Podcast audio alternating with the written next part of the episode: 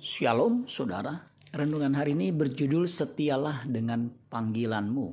Matius 22 ayat 14. Sebab banyak yang dipanggil tetapi sedikit yang dipilih. Panggilan Allah terbuka untuk semua orang. Tetapi respon panggilan Allah itu tergantung individu masing-masing.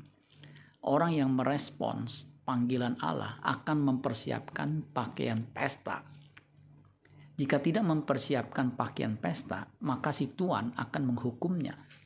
Matius 22 ayat 13. Lalu kata raja itu kepada hamba-hambanya, ikatlah kaki dan tangannya, dan campakkanlah orang itu ke dalam kegelapan yang paling gelap. Di sanalah akan terdapat ratap dan kertak gigi.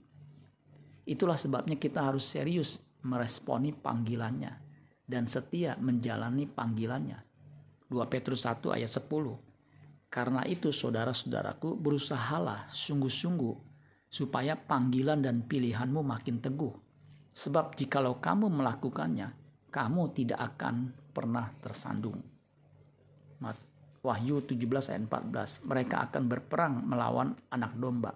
Tetapi anak domba akan mengalahkan mereka. Karena ia adalah Tuhan di atas segala Tuhan dan Raja di atas segala Raja. Mereka bersama-sama dengan dia juga akan menang, yaitu mereka yang terpanggil, yang telah dipilih dan yang setia. Amin buat firman Tuhan. Tuhan Yesus memberkati. Sola Gracia.